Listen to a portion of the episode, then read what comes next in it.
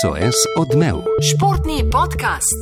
Živo moje ime je Slavko Jerič, vi pa poslušate podcast SOS odmev, v katerem mi številk delamo besede. Uradno je med nami še vedno zima, a toplo vreme je na plano preneslo marsikaterega športnika, najbrž pa tudi kolesarja, kaj ne to ni gruden. Mislim, da je taka, po gozdu letijo tudi kolesa, predvsem gorska seveda.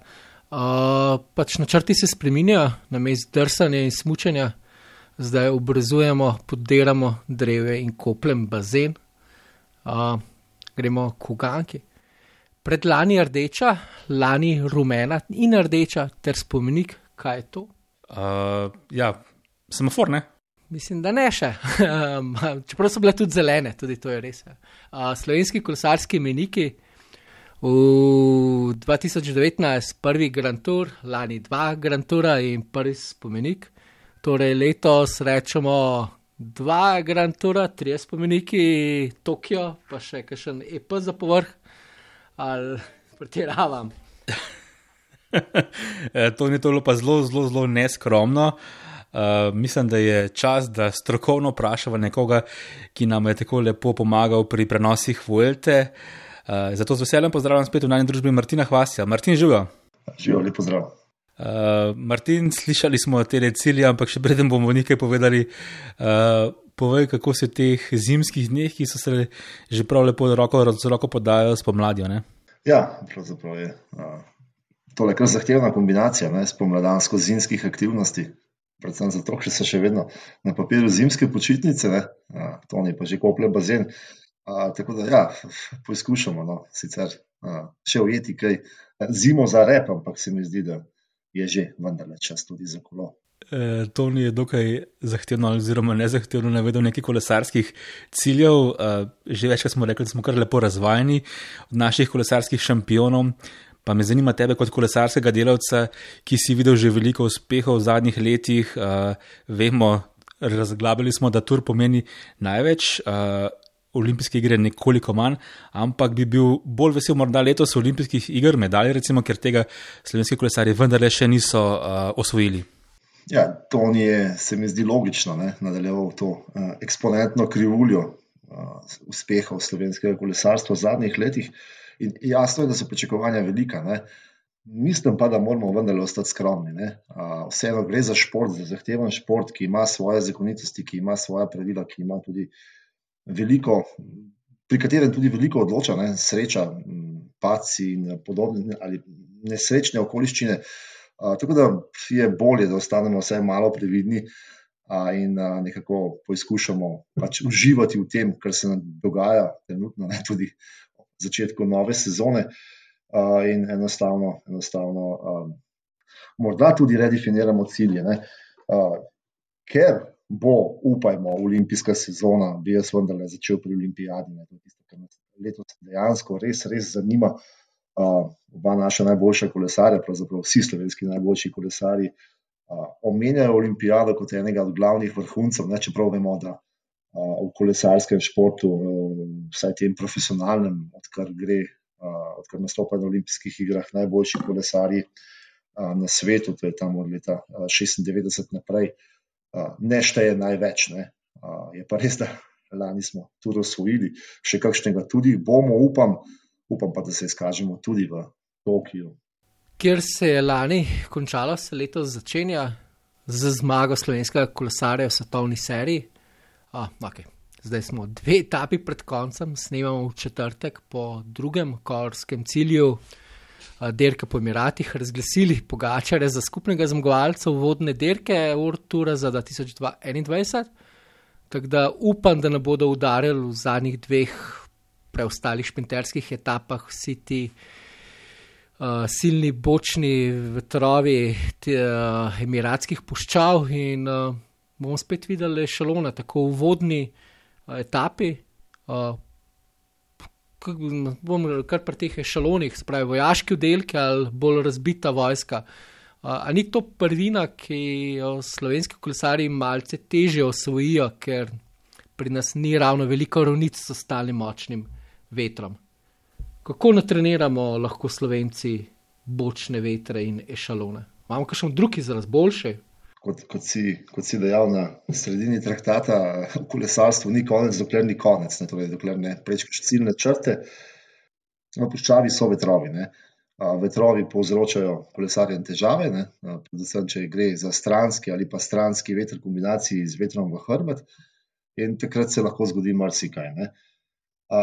V kolesarskem žargonu temu rečemo, pa čeprav me bo a, kakšna puristka držala za jezik, a, vožnja na veter. A, to, je, to je izraz, ki se je med kolesarji prijel in kolesarji točno vedo, kaj to pomeni. Ne. Uh, lahko bi šli, seveda, naprej ne, in, in razpravljali o ešalonih, ne, torej o teh delih uh, vojaških formacij, ki, se, ki so usposobljeni za posebne naloge ali pa ne, karkoli drugega. Italijani jim rečejo um, ventali, ne, kar je v neposrednji povezavi z, z vplivom vetra. V Španiji abanikos, ne, ki tudi pomeni neke delčke celote. Uh, naj, najbližje vsem tem izrazom bi, morda, bi bil morda izraz veterne formacije, ne, ki pa spet ne pove, uh, ne pove vsega. Namreč za vetre, ki, je, ki, ki kroji cestno kolesarstvo, se ob vplivu vetra premakne iz, torej, iz, iz položaja, kjer voziš kolesar pred teboj, točno za njim je najboljše za veter, potem, če je seveda veter iz strani, se ta, to zavetrje premakne na, na, na nasprotno stran, odkuder piha veter, in zato se kolesari pomaknejo levo, če piha veter z desne, od tistega, ki vozi pred njim. Ne, in ko se tako pomaknejo do konca, do roba ceste, zmanjka cestišča in potem seveda se skupina pretrga zaradi vpliva vetra. Te zadeve je težko tudi teoretično razložiti. Jaz sem, jaz sem večkrat poizkušal in risati, in, in razlagati, in, in teoretizirati na tablah in na papirjih, in, in tudi z ogledi podobnih situacij mlajšim kolesarjem, ne, ki so že nekaj izkusili, pa vendar, dokler ne prideš v tako situacijo, ti seveda nič ni jasno. Res pa je, da pri nas ni dovolj konstantnega vetra, ki bi te zadeve omogočil tudi izvajati na treningu. Vetrovi, da nimo v, v, v, na Bližnjem vzhodu, v Puščavi ali pa v nekih odprtih predeljih Severne Evrope, so posebno drugačni, ne, torej pihajo s konstantno močjo in tudi če niso hitrosti velike, že tam okoli 15 km/h je dovolj, da se, da se skupina kolesarjev pri veliki hitrosti, seveda večja kot je hitrost, večji vpliv vetra, tudi raztrga tako in drugače, in potem, ne, kot, smo, kot smo videli tudi lani na, na Turu, pa na Uvelti, pa še kje, um, je težko popraviti uh, te zamujene, zamujene oziroma te narejene razlike. Ja, lepo se je upozoril, da ni konec, dokler ni konec. Ne, ne na zadnje smo videli tudi uh, Primoš Roglič pri prvi zmagi na Uvelti, bi se kmalo opekal zaradi ene takega uh, dogodka. Je bilo pa lepo in ne navadno, tudi estetsko za me, uh, malce na vednicah, ne, ko smo videli prvi etapi te dirke po Emiratih. Ne, tiste podobe oddaleč, kako so se res grupirale te ešaloni, 5-6 različnih skupin. In ja, če si bil odrezan, smo videli, kar naenkrat se je zgodila 8-minutna luknja med tisto majhno skupinico spredaj in ostalimi. Skratka, ni še konec, dokler ni konec, to je res. Vsekakor pa moramo povedati, da je Primoš da je Pogačar res izjemno eh, začel sezono.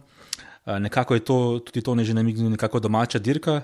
Uh, med sezonama sem v številkah gostil prav Tadeja Pogačarja in takrat je sam rekel, logično, letošnji sezoni bo dirka po Franciji glavni cilj, potem pa zaradi, tudi zaradi sponsorskih razlogov ne veliko ekipa stavi na to dirko, smo rekli, nekoč skoraj da kot um, domača.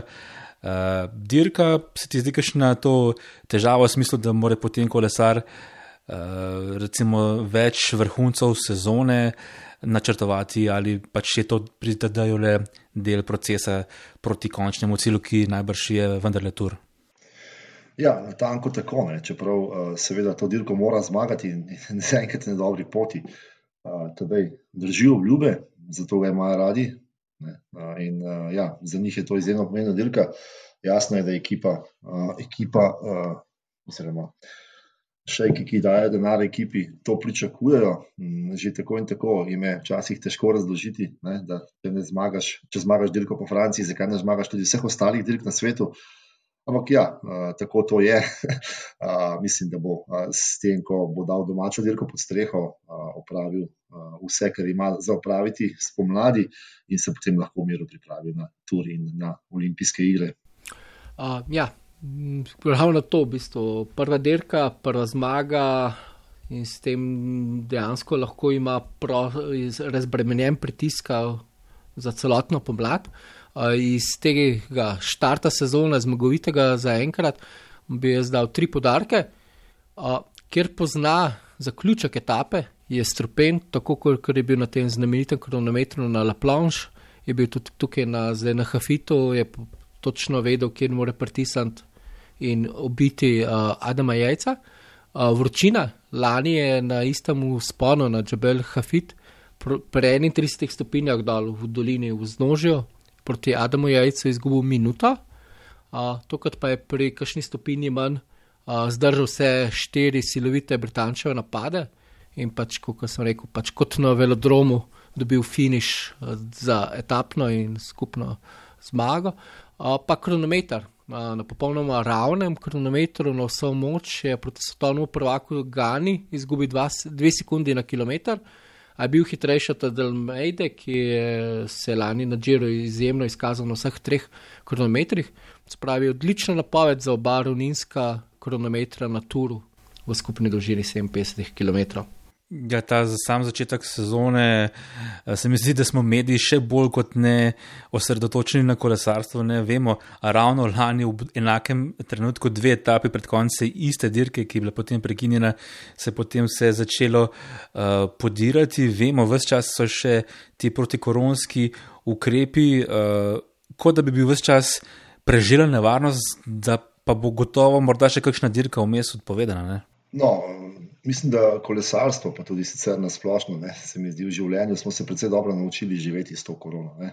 Kakorkoli življenje gre in mora iti naprej.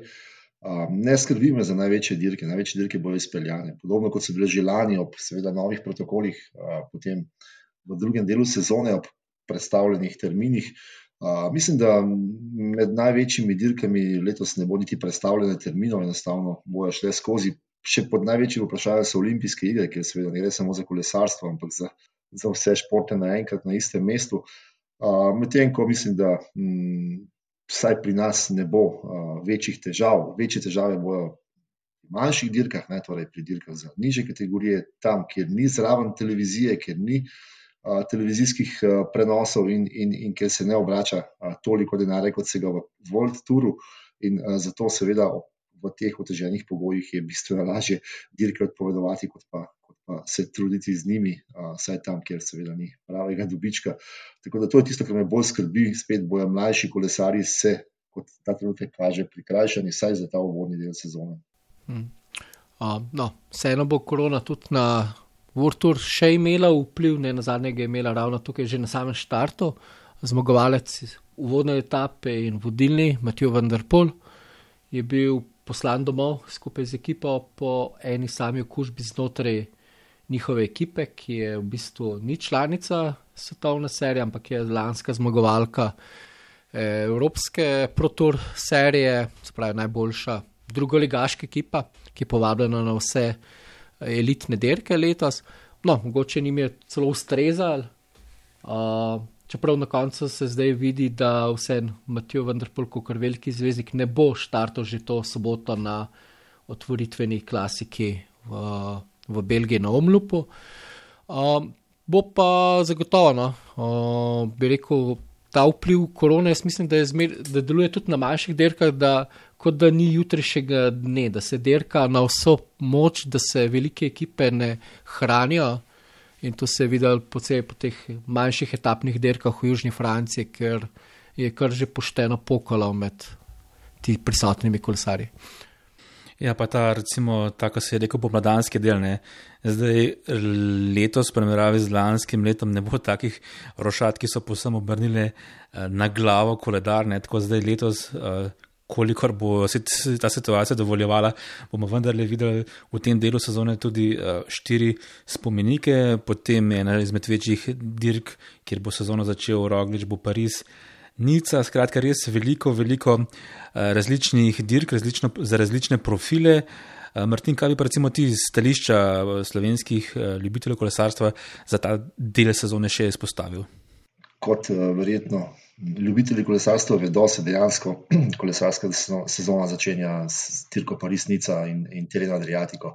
To sta dve uvodni uh, tradicionalni dirki, ena v Franciji, druga jasno v Italiji, ki pravzaprav otvorita sezono na stari celini.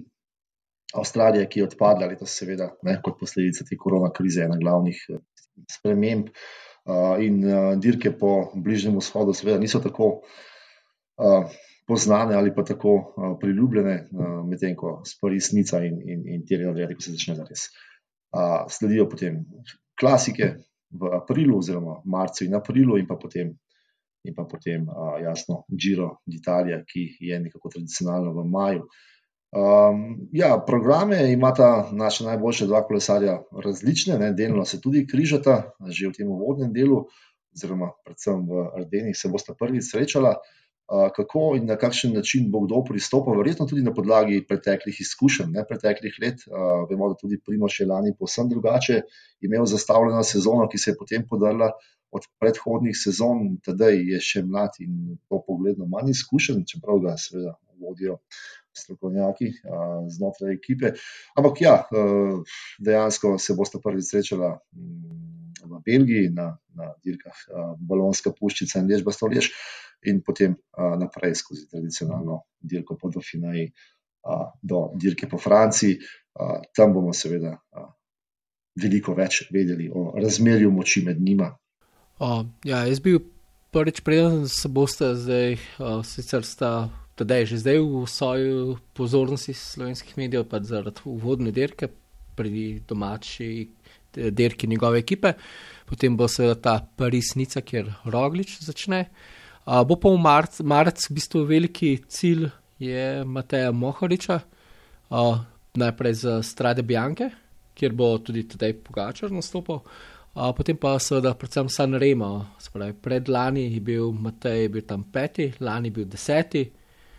Um, pač ni skrivnost, da je to njegova velika, velika želja, da mu končno uspe na podžu v San Remo priti prvič do vrha in potem na juriš v dolino proti cilju. Karkoli se že zgodi, se zgodi. Tako da uh, mislim, da bo že marc zelo pestano, potem smo pa seveda aprila, no? uh, kjer pa v bistvu uh, se tedaj in primož srečata že na derki po Baski, ki je izjem, izjemno gorata etapna derka, ki bo pač primož še dobil pred leti. V bistvu je branilec zmage, ker je lani ni bilo. Uh, da, tam bo že zanimiv uh, obračun, tudi glede uh, tega kronometra, ki bo z, spet malce bolj razgiban, ne bo pa pravi gorski, čeprav bojo pa vse ostale etape v Baski gorske. Ja, Baski je precej nepredvidljiva dirka. Ne? Um, vedno je kroji tudi vreme, dež in, in, in uh, tako ali drugače vpliva tudi to na razplet dirke. Primoš je res dobil pred dvema letoma, ne, takrat celo ob pomankljivi podpori ekipe, na koncu je ostal sam, pa vendarle vse je uspešno prekrmaril do cilja. Tako da, ja, že tam, no, verjetno tisti, tisto prvo pravo srečanje, čeprav, kot sem že dejal, za res šteje so, so za njih aprilske dirke v Belgiji in pa potem naprej priprava na dirko po Franciji. Pa če se vrnem no, Matejo Mohoričo, res je. Tudi od njega pričakujemo več kot lani, oziroma več kot uh, nekako v tej ponesrečeni sezoni. Čeprav smo že lani ugotavljali, da tisto, kar je pokazal na dirki Liež Baston Lešne v jesenskem terminu, uh, je njegov, vsaj za me, največji uspeh med profesionalci. Ni mu uspelo zmagati, se je pa priključil vodilnim tik pred ciljem. In ja, uh, Milano se narema dejansko dirka, ki mu je pisana na kožo. Je pa res, da je treba biti za to v vrhunski formi takoj spomladi. Ne upam, da bo to uspelo. Mm, Kaj smo pri Mateju Mohoriču, mogoče en mim, mimo skok, ena asociacija, ne, v medsezoni je bilo veliko govora uh, o prepovedi, rekel, v nevednicah njegove tehnike uh, spuščanja, to niti sem imel z njim pogovor, uh, kar sem razbral iz tvojega intervjuja, se ni uh, pretirano razburjal, Martin pa me zanima, ti si gotovo podrobno poznaš uh, prednosti teh spustov. Uh, Uh, predvidevam, da bo kakšno kompenzacijo že našel, kakšno nov, kakšno nov tehniko, ker bi lahko kakšno sekundo nazaj pridobil. ja, zelo stoično je prenesel to prepoved. Ne? Čeprav mu vsi priznavajo avtorske pravice, um, treba vedeti par stvari. Ne? Ta njegov položaj sedenja na, na horizontalni cevi, ki niti ni več horizontalna, ampak poševna zadnjih 15 let ali 20 let, in obenem poganjanje pedal, je seveda on prvi preizkusil na dirkah, in, in, in to je jasno. V tem položaju je, kot je sam izračunal, najhitrejši na položnih in ravnih klancih, ne, torej na klancih brez ovinkov, spustih brez ovinkov, kjer se gre, kjer hitrosti niso prevelike. Ne, torej, tako nekje okoli 70 km/h, kjer se še da tudi nekaj pridobiti s poganjanjem, do 70 km/h, recimo.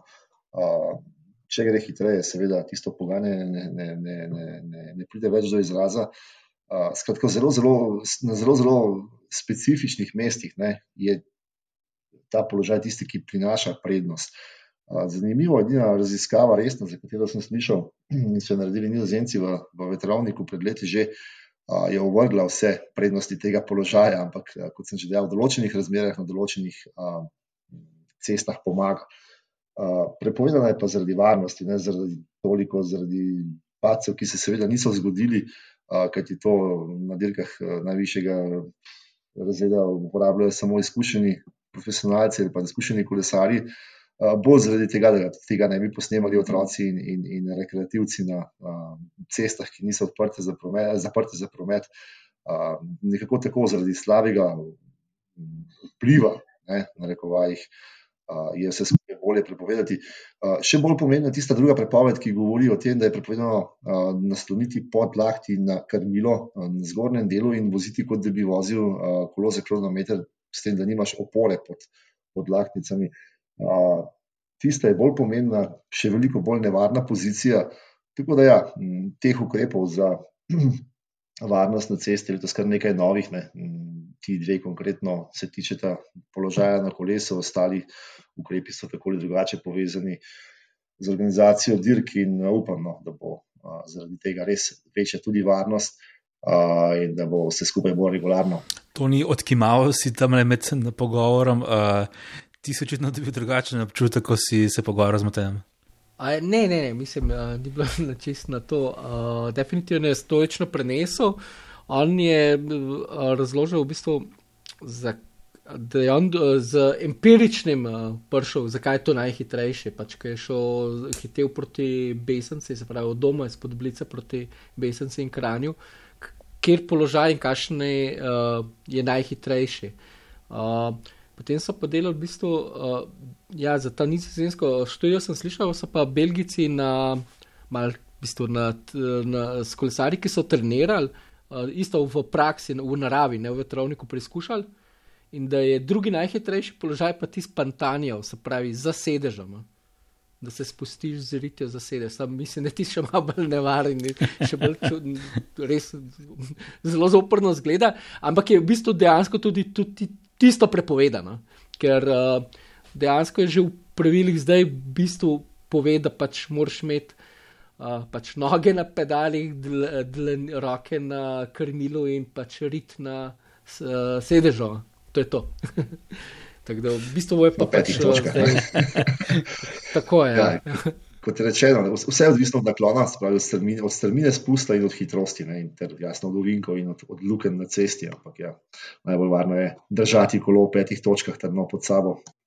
Ja, plus da pač Matej, mislim, da je že to, tudi drugače, je eden najhitrejših spostašov. Tako da, kot je sam rekel, da če bojo pravila veljala za vse, mislim, da bo on mogoče celo v prednosti. Saj zdaj ta njegov položaj so posnemali prav vsi, ravno na tej omenjeni uh, spomeniku uh, oktobra, lež, baston lež je vodilna četverica prav tako s tem položajem se spuščala, ampak se je med seboj tudi opazovala in gledala, medtem ko on Juri šel na polno in jih je lahko zaradi tega ujel. Ja, povedali smo že nekaj malega o uh, težko pričakovanem obračunu med obema slovenskima vele junakoma. Uh, seveda, rekli smo, vrhunec ne bi bil na dirki po Franciji. Uh, zanimivo mi je bilo, recimo, že med sezono opazovati, uh, kaj bomo rekel, malo psihološke igrice z obeh taborov. Ne. Iz Jumba Vizme so že sredi teh počitka nekako dejali, da preden se je tur že začel, ima pogačar zaradi.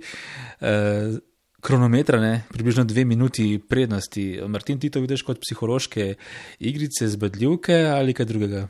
No, to je ironija. A, mislim, to je mm, omenjeno tako v, v, v smislu m, mm, razlike, ki jo je naredil lani na kronometru. Na La Planche de Belfi, ampak tisto je bil res specifičen kronometer. Ne? Niti ne ravninski, razgiban že na začetku, pa potem zelo težak gorski kronometer na koncu kronometer, ki je bil, ne pozabimo, v tretjem tednu, oziroma čisto na koncu tura, ker so vsi pri koncu z močmi in razlike so bile pač takšne, kot so bile. Ne, teoretično, ne, kronometri na Džiru so sedaj, oziroma na Turu so drugačni, ne, oba sta ravninska, eden na začetku, drugi na koncu, predvsem tisti prvi, kjer bodo vsi še bolj ali manj sveži, bo povsem drugačen, razlike med njima bojo minimalne. Ne, to lahko napovemo tako Primož kot, kot Tadej sta izvrstna kronometrista, o tem ni dvoma.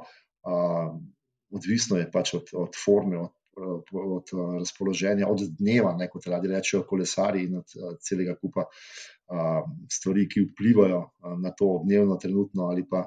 Tudi psihološko pripravo na, na, na, na kronometer. Kronometer je pač po tej psihološki plati najzahtevnejša a, disciplina v cestnem kolesarstvu. In a, ko ti gre tam na malenkost na robe, se hitro podre cel svet. Ne.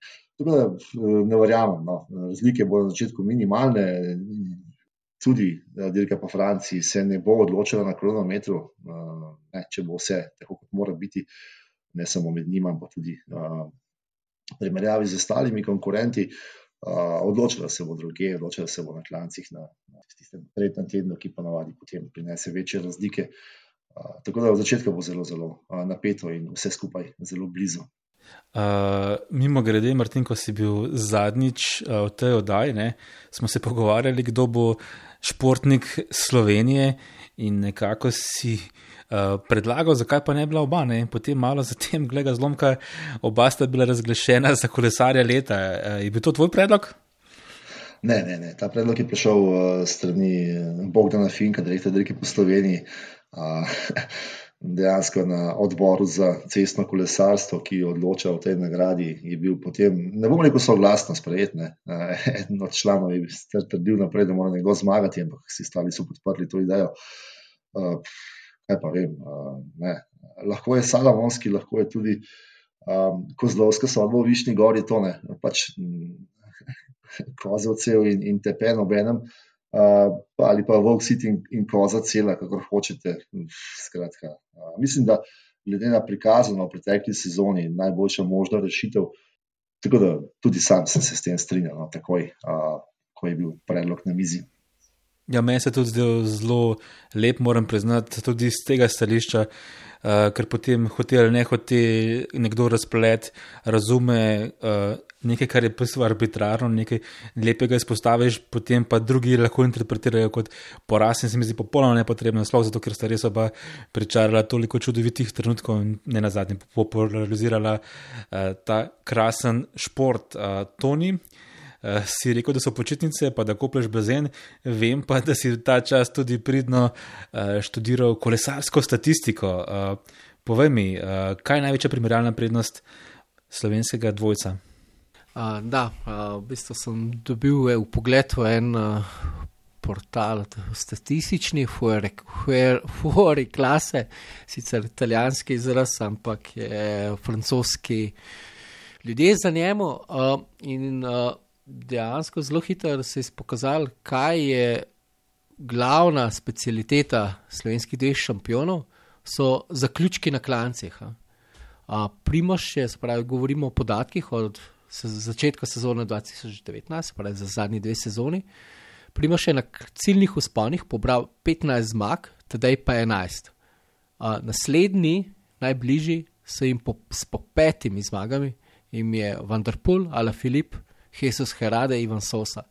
Uh, če pogledamo samo dirke najviše ravni, ravni, se pravi svetovne serije, je Roglič cilje na vrhu klancev 22krat končal med prvimi tremi, Pogačar pa z današnjim 13krat, s sedmimi stopničkami v navednicah, pa imaš zdaj najbližje Adam Jajc. Se pravi, uh, roke in pok slavita na petini dnevov, ko se dirka zaključi na klanec.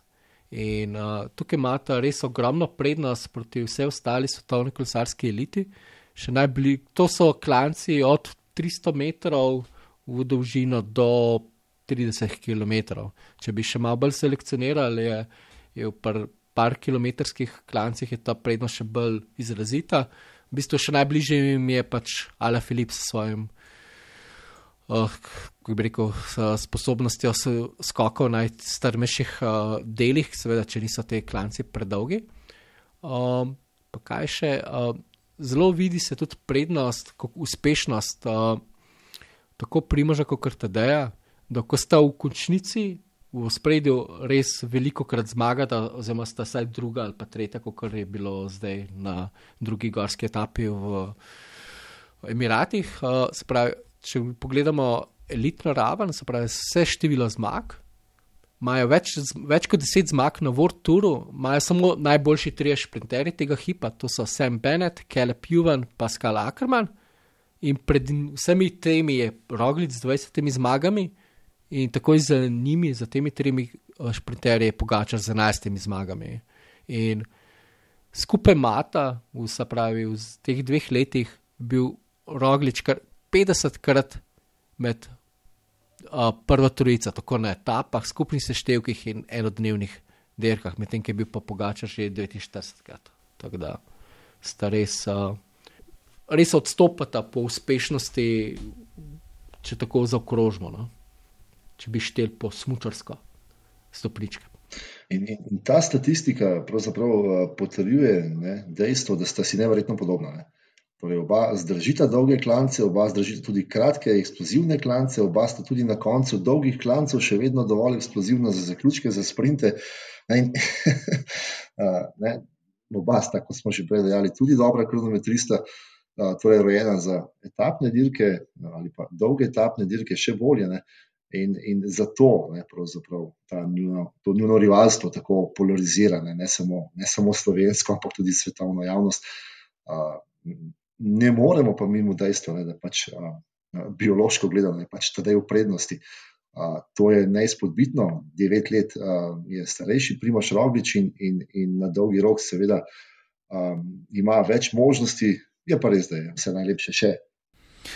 Ja, res da si zelo podobna. Uh... Hkrati mi je pa zelo všeč tudi to, da imata oba uh, kar nekaj jasnih in glasnih ambicij, recimo na enodnevnih dirkah in glasih, kar recimo prej ni bilo niti tako v spredju. Uh, prej smo omenjali Grand Tour, mogoče čas, da povemo tudi lepo novico, ki se je zgodila ta teden. Uh, govorice, ki so že dolgo okrožile uh, med ljubitelji dirke po Italiji so zdaj postale tudi uradne. No? Dirka po Italiji se namreč spet po skoraj dveh desetletjih vrača na slovenske eh, ceste. Italijani so v sredo predstavili uh, traso. Martin, to je lepa novica. Ne?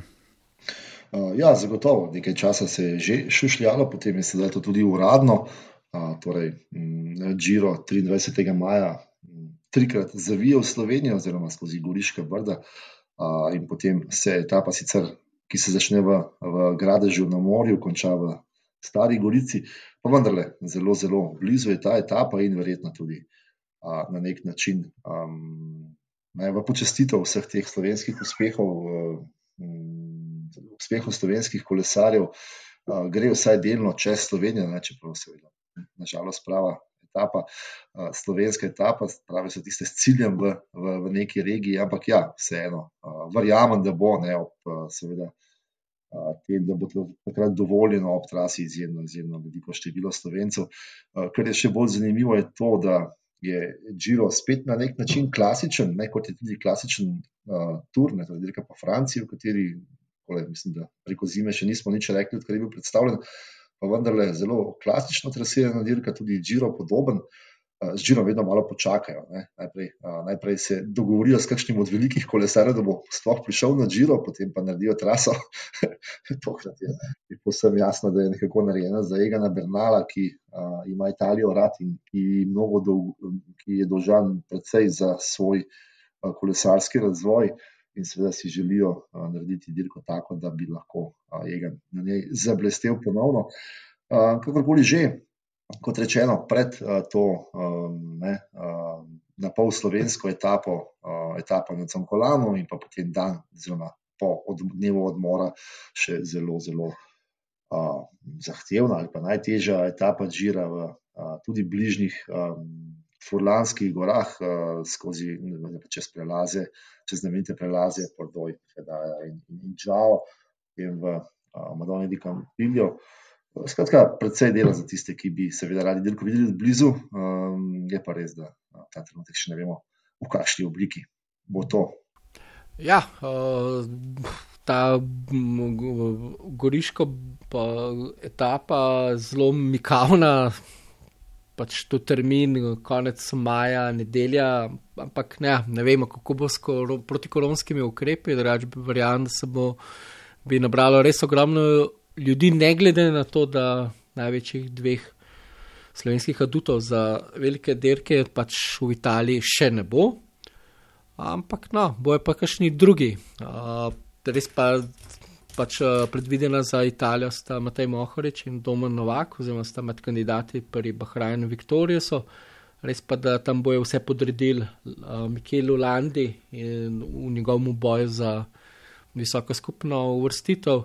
Tako da mogoče po Zankolanu, mogoče da bi dobili že kaj eh, proste roke za to mikavno etapo, da, da bi se nekako nadaljevala ta tradicija, ki se vleče zdaj že od 2014 in zmage Luke Mrzkca v Trstu. So Slovenci vsako leto dobili pa eno etapo, vsaj na Džiru. Um, mogoče, se, da se navežem na prejšnje statistično moje izvajanje.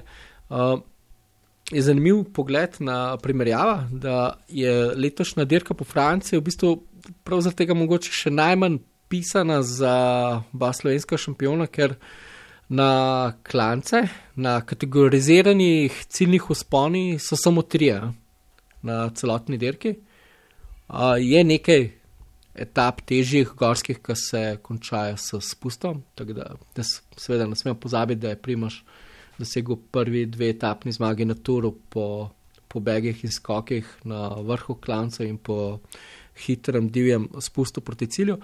Uh, bo pa na turu v bistvu zanimiv, ker ste v primerjavi, ki sem prej govoril, da začne se dirka v Britaniji, v Brestu.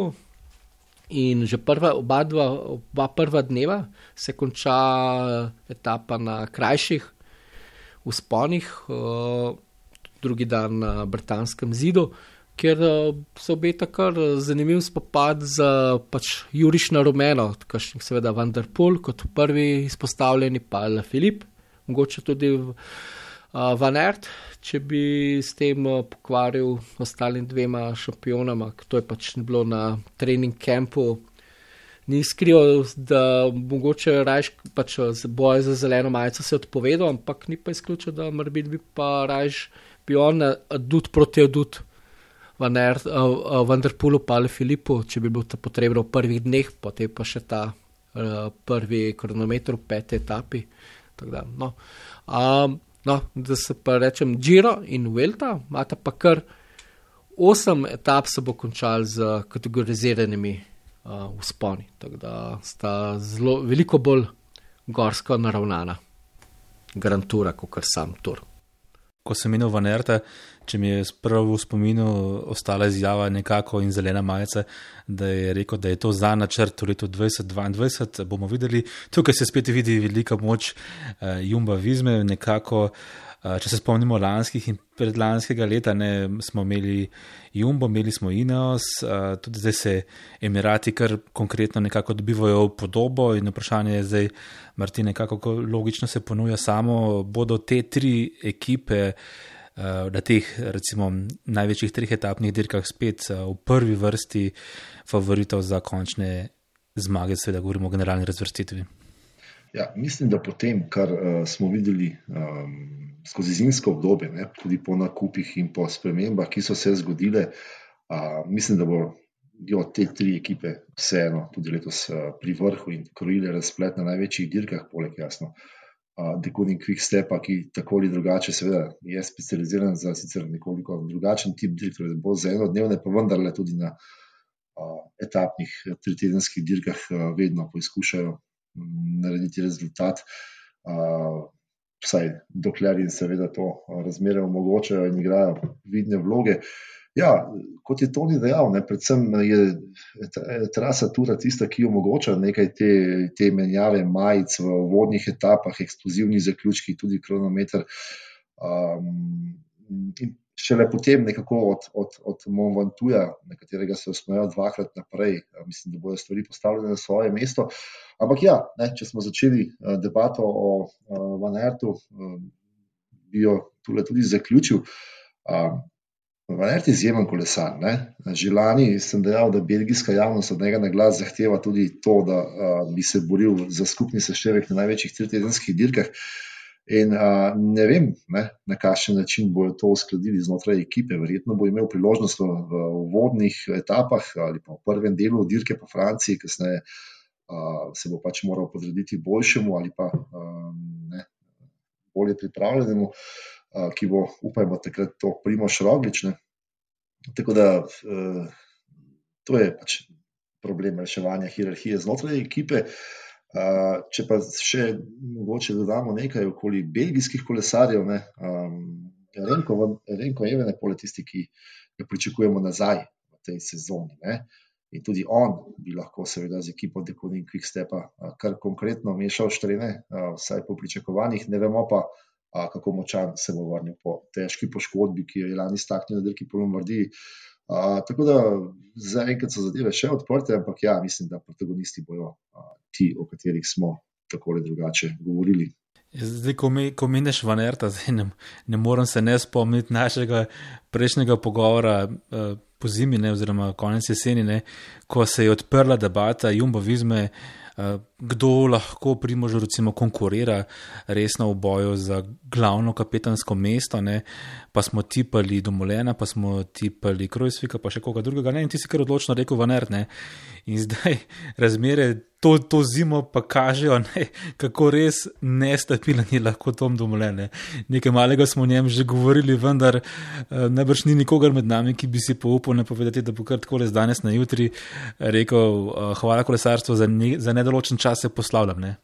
Uh, ja, ne, tudi mene je presenetil. Um, ne, ne vem podrobnosti, vem toliko, koliko sem izvedel iz medijev, ampak um, dejstvo je, da te njegove težave, uh, ki jih je imel po vrnitvi, po tudi dolgotrajni odsotnosti z dirk, uh, so bile globje, kot je sam kazal oziroma uh, želel priznati. Uh, jasno je, da ko si enkrat na vrhu, ko zmaguješ največje dirke, se je težko podrediti in, in sprejeti vlogo tako ali drugače obrobnega kolesarja in, in, in Tom Dumoulin, kljub vsej svoji džentlmenskosti in, in, in, in pripravljenosti pomagati, potem ko je videl, da lani a, ni, ni a, nekako na nivoju, je vendar očitno podlegel, podlegel, ne bom rekel pritiskom, ampak, ampak samemu sebi, no, s, s, svojim a, ambicijam.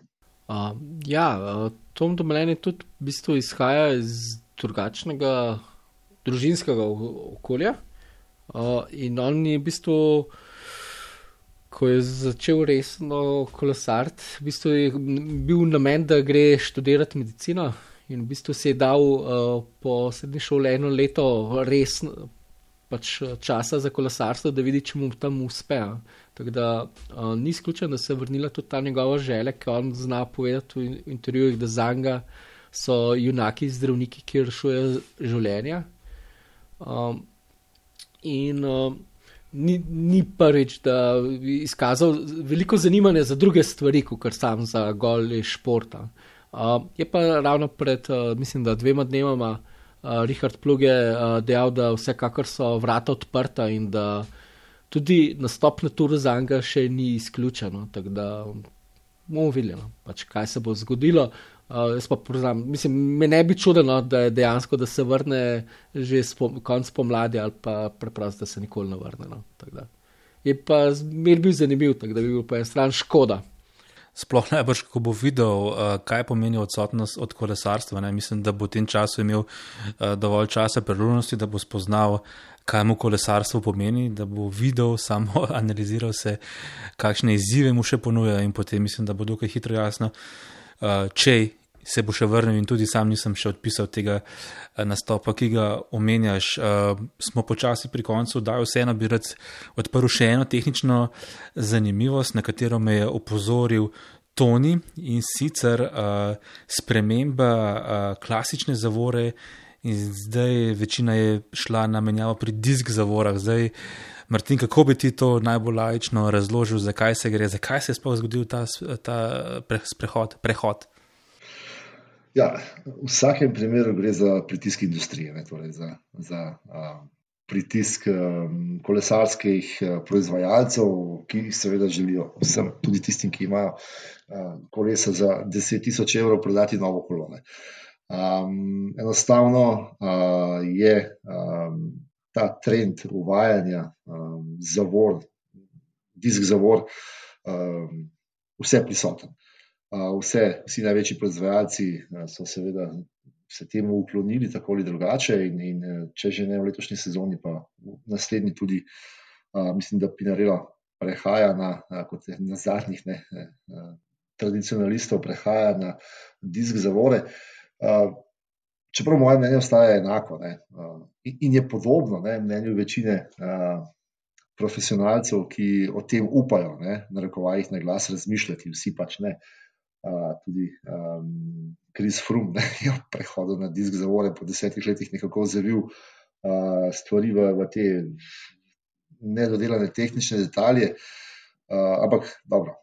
Uh, v principu gre še vedno za to, da cestne, cestno kolesarstvo se ne odloča uh, z zaviranjem. Ne? Uh, cestno kolesarstvo se odloča pretežno, seveda, uh, s pogajanjem pedalno vzgor in, in, in po ravnini. Uh, medtem ko je zaviranje vedno drugotnega pomena. To seveda ni ne, downhill z gorskim kolesom, ker so seveda zavore res, res izjemno pomemben element rezultata.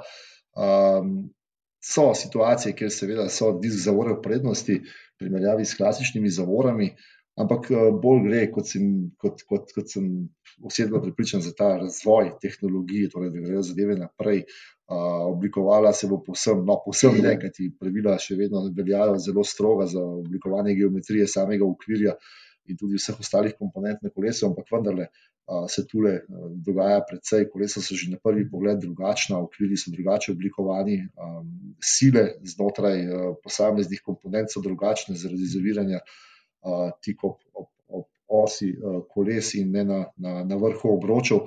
In vse to vpliva, seveda, na to, da se bodo kolesa še naprej spremenjala in s tem tudi dobro prodajala. To je, vsaj po mojem, še vedno glavni razlog. Veliko smo govorili o, o prednostih v držju in v slabem vremenu. Res so, ampak po izkušnjah, ki jih imajo v preteklih letih, tudi kolesari, tudi tam, seveda, ta, ta tehnika ni brez omejitev zavorne obloge na disk zavora se zelo hitro izrabljajo, predvsem v pesku in v slabem vremenu, v, slabih pogojih. Tako da tudi tam se lahko zgodi, da ostaneš brez zavor. Aerodinamika je drugačna kot pri klasičnih zavorah, teža je še vedno večja, ne? čeprav seveda to potem kompenzirajo z lažjimi ukviri in ostalimi komponentami, kajti še vedno velja skupna omejitev na minimalno 6,8 kg za cestno kolo. Uh, skratka, m, napredek je neizogiben, no, in tudi tisti največji tradicionalisti se mu bojo morali ukloniti, uh, predvsem zato, ker to zahteva tržišče. Ja, zanimivo je, da so lani vse uh, Grand Toure osvojile ekipe na klasičnih zavorah. Tako, uh, pač UAE, Jumbo in Ineos. Uh, in ravno britanski, britanska ekipa je ostala kot zadnja izmed uh, 19 elitnih ekip, ki vozi izključno na klasičnih zavorah. Pa že oni tudi, uh, kot je Martin omenil, bodo drugo leto dokončno prestopili, pa že zdaj imajo na treningih uh, kolesa z disk uh, zavorami. Ampak na tekmovanjih, saj v tem začetku leta, so še zmeraj na klasičnih bili. Uh, majhna izjema je pa v bistvu ostal samo še Pogačar na obeh gorskih etapah je bil prav tako na klasičnih zavorah, pa ponovadi še ali Polanc ali pa eden od uh, drugih, njegov pomočnik za slučaj menjave, kar smo ne na zadnje pravno pretedajo večkrat videli v, na lanski dirki po Franciji. Uh, ko smo že pri tehniki, uh, je pa so američani pri Education First Nipo, so pa prešli na tubeless, se pravi na tehnologijo, ki uh, pri zračnicah, ki povsem dominira v gorskem kolesarstvu. In mislim, da to bo pač to trend, naslednji korak, ki bo prisilil vse, pač industrija kolesarska, vsa ekipa, še v ta prehod naprej. Ampak tudi pri, pri tej tehnologiji je uh, vsaj uh, ne na glas, uh, potihom, izjemen odpor. Uh, na splošno je težko uh, čez noč sprejemati novitete. Ne. Se ne na zadnje je bilo enako tudi pri uvedbi čelad, da nima pred 15 ali 17 leti. Kolesarji oziroma uporabniki se, se načeloma opirajo novitetam, dokler pač ni to neizogibno. Ne. Um, tudi pri teh um, plaščih brez zračnic je cel kup uh, tehničnih težav, ki jih je treba rešiti. Uh, predvsem pa je ne, pomemben prehod uh, na katero koli novo tehnologijo, v tem smislu, da enostavno treba zamenjati uh, potem vse naenkrat. Torej, vse material uh, je naenkrat neuporaben in, in, in, in se ga zamenja, in to niti ni težko na nivoju protura, ne? kajti tam je vendarle gre za omejeno število ekip, z omejenim številom kolesarjev. Veliko, veliko težje je te novosti potem aplicirati na, na niže kategorije, ki so seveda mnogo, mnogo širše in mnogo, mnogo bolj uh, množične in, in tudi denarja je manj. Ne. Težko je naenkrat zamenjati uh, vso opremo, vsa kolesa ali pa uh, vse, kar je potrebno ob prehodu na novo tehnologijo, predvsem za manjše ekipe, uh, da ne govorimo o nižjih kategorijah mladincev, dečkov in ostalo. Martin, uh, lani se mi zdi, moja če slajšna ocena, ampak lani je bilo recimo eno najbolj uznemirljivejših državnih prvenstev v Sloveniji. Smo imeli tako v kronometru, tako kot na cestni preizkušnji, tudi zaradi vpliva korona, ker ste se pač bili med prvimi na svetu dirke, ki so bile potem po koronskem času, ampak tudi uh, zaradi seveda Pogačara in Rogliča je bil res to res nek velik dogodek. Uh, pa kar se je prej govoril za Giro d'Italia, da čakajo, pa potem razkrijejo traso. Pa me zanima, se že kaj šušlja, se kaj razmišlja, se že kaj ve, načrtuje, kdaj bo obeladonalno uh, prizorišče letošnjih državnih prvenstv. No, pred, predvsem bo težko ponoviti ta enkraten moment, ki se je lani zgodil, uh, ne, uh, konec junija. Uh, tudi lani, v pojasnilo, je bila predvidena druga trasa v Lenartu, najprej prvotno, potem zaradi nezmožnosti organizacije strani lokalnega organizatorja, uh, smo zadeve predstavili na, v Crkve oziroma na Krvavec. In, in enostavno je zadeva, uh, kljub odporu ali pa pomislekom nekaterih, bila uspešna. Uh, to bo težko ponoviti. Dejstvo je, da je tudi letos zaradi ponovno ne, predstavljene dirke po Franciji, zaradi odpovedanih, oziroma predstavljenih olimpijskih iger, Eh, dirka po Franciji predstavljena teden dni nazaj, kot je, kot je to tradicionalno, in zaradi tega povozi tradicionalen termin državnih prvenstv, ki so tudi zaradi tega teden dni prej in se praktično križajo, da nimo s terminom, ki ga ima dirka po Sloveniji, oziroma se komaj še se skupaj sestavi. Dirka po Sloveniji se križa z maratonom Franja, ki je tudi velik dogodek v Sloveniji, skratka, cel kup težav, ne, spet upam, da bodo dirke kljub temu izpeljane. Ampak ja. O državnem prvenstvu razmišljamo tudi na glas, eh, ta trenutek uh, imamo več opcij odprtih, še vedno uh, možnost je oživitve uh, tudi vrhunskega kolesarstva v Mariboru, uh, kjer pogovori potekajo. Ravno tako se pogovarjamo tudi v Kopru o morebitni uh, izvedbi državnega prvenstva. Uh, skratka, želimo si pripeljati kolesarstvo tudi v tista mesta ali pa tiste regije, kjer cestno kolesarstvo kjer ni uh, tako popularno. Uh, Obenem pa je težko, ne, seveda, zagotoviti, da bo trasa spet taka, da bo pisana na kožo primožu. In tedaj, tako in tako že lani, smo jih kar precej slišali, predvsem od ostalih kolesarjev in od ostalih ekip. Ne. Ampak ja, mislim, da je to vsem v plus, če zmaga eno od njiju, je to, mislim, da velika reklama za, za vse slovensko kolesarstvo in tudi za vse ostale ekipe in kolesarje. Drugače, kako je pa na kolesarski zvezi, kako vem, bi mogli počasi izvesti tudi volilno skupščino, pač uh, predstavitev olimpijskih iger je malo tudi te, kako bi rekel, malo vpliva na to ali ne, se obeta kakšne spremembe ali kako boste to izvedli zdaj? Uh, vse funkcije na kolesarski zvezi so vezane na štiriletni oziroma olimpijski mandat. Verjetno je to nekdo zapisal, ki ni nikoli pričakoval, da se olimpijske igre lahko predstavijo za leto dni. Ampak ja, tudi volitve so pred vrati, oziroma bi se morale že zgoditi, pa se zaradi proceduralnih zapletov tako ali drugače še niso in nas čakajo v prihodnjem mesecu. Ampak ja, verjetno bo struktura tako ali drugače prenovljena in uh, upam samo, da bo uh, kontinuiteta dela uh, strokovnih ekip uh, uh, ostala, oziroma da ne bo ovir, da ovir pri tem in da bomo uspešno prišli samo, uh, ne samo do olimpijade, ampak tudi še naprej.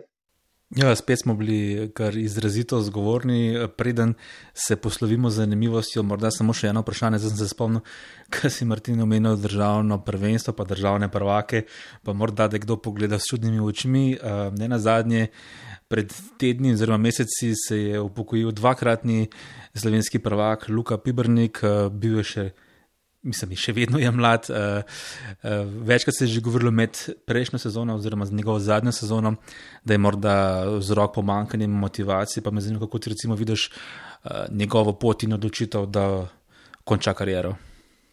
Ja, ne pričakovano, čeprav uh, smo to nekako že slutili v zadnjih dveh letih. Uh, Luka, ki je z menoj ali pa v kategoriji do 23 let, da nima bil celo peti na svetovnem prvenstvu v Alkenburgu, ker je zmagal Lucenko.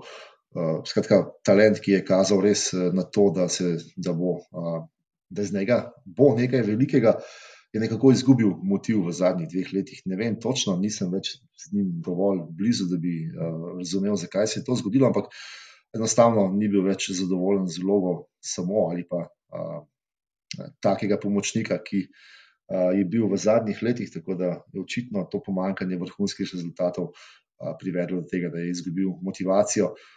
Žal mi je za njim, kot si že dejal, ni bil še za odpis veliko starejših in bolj izkušenih kolesarjev, imamo še vedno na najvišjem nivoju. Ampak ja, za vsakega posebej nam je lahko, nam je lahko žal, kajti v Sloveniji nas je pač malo in ne na zadnje je težko potem tudi uh, sestaviti ekipo za največje dirke s primernimi kolesarji, kajti uh, tak pomočnik, kot je bil Luka Pibrnik v preteklih letih, uh, vedno prav pride. Ja, hvala, Martin, spet za čudovito eh, misli, čudovito oddajo. Zdaj, če si spremljal, uh, si bil že veliko krat gost, potem veš, da je nekako pravilo, da se poslovimo s kakšno zanimivostjo, ki povezavi številko oddaje. Vmes vas to ni že prilezla do številke 49. Uh, imaš slučajno kakšno asociacijo ob tej številki? ja, prav veliko ne pove, ne. tik pred Abrahamom. Uh, ta številka, da te pogačari ima še le 18 zmag, Primoš Roglič jih ima samo, ne v rekovajih 47 in smo prekratki, uh, tako da ne morem mimo tega. Naj, najstarejši kolesar, ki še vedno kolesari v karavani, tudi z najboljšimi, ne, uh, bo letos, uh, je star 49 let in še le bo 50. augusta, uh, David Rebelin je to, uh, ki je lani že. Uh, Ne vem, katerič napovedal konec karijere, pa vendarle je pred dnevi podaljšal in bo kolesaril naprej, sicer za manjšo italijansko ekipo, uh, Work Team uh, Markiol. Uh, ne na zadnje, uh, kolesar, ki je tudi dobil medaljo na olimpijskih igrah, pa je potem izgubil zaradi domnevnega dopinga, pa po osmih letih pridobil nazaj. Uh, pa v najboljših letih, da nimo 2004, ko sem sam zadnjič vozil na, na najvišjem nivoju, osvojil vse tri ardenske klasike, to ni uspelo ponoviti nikomor. Uh, skratka, zanimivo je, da lahko nekdo pri skoraj 50 letih še vedno kolesari uh, z najboljšimi. Na zadnje je bil 20 na zadnji dirki po Sloveniji leta 2019. Jaz bom kar napovedal prihodnost, kot sem prejšnjič rekel, tako da Spravi, če, bom, če ne bo vetra prehudega v Emiratih in uh, tedaj usvoji dirko po Emiratih, jaz mislim, da bo Primož tudi začel zmagovito in bo pač uh, skupna zmaga na Nici. Resnica, spravi, da bo njegova 49, tako pač pred mora eno etapo seveda usvojiti, no, ko sem pa že prejšnji dan povedal. To ni všeč, mi je tvoj optimizem in ne pozabi, ko, ne pozabi, ko se bosta ta dva tvoja scenarija uresničila, lahko odpreš SP, popodanska aktivnost, pogled tole eh, napovedovanje športne prihodnosti, je moja športna zanimivost popolnoma. Uh, kratka, pobeg od drugih športov, ameriški nogomet. San Francisco je ena najbolj uspešnih franšiz v Ligi NFL, ima v svojem imenu 49, uh, mi smo krepko presegli 49 minut, verjamem, da nam niste zamerili. Uh, želim vam, dragi poslušalci, da na MMC-ju še naprej spremljate naše uh, kolesarske prispevke. Toni Gruden vedno pris, pri, prispeva kaj zanimivega in uh, verjamem, da bo tako tudi v prihodnje. Uh, Martin Tepi pa spet hvala, ker si uh, tako obogatil tole oddajo. Hvala ti. Hvala vam, lepo zdrav. Adijo. Naslišanje, malo se mi jezik zapleta. Naslišanje. SOS odmev. Športni podcast.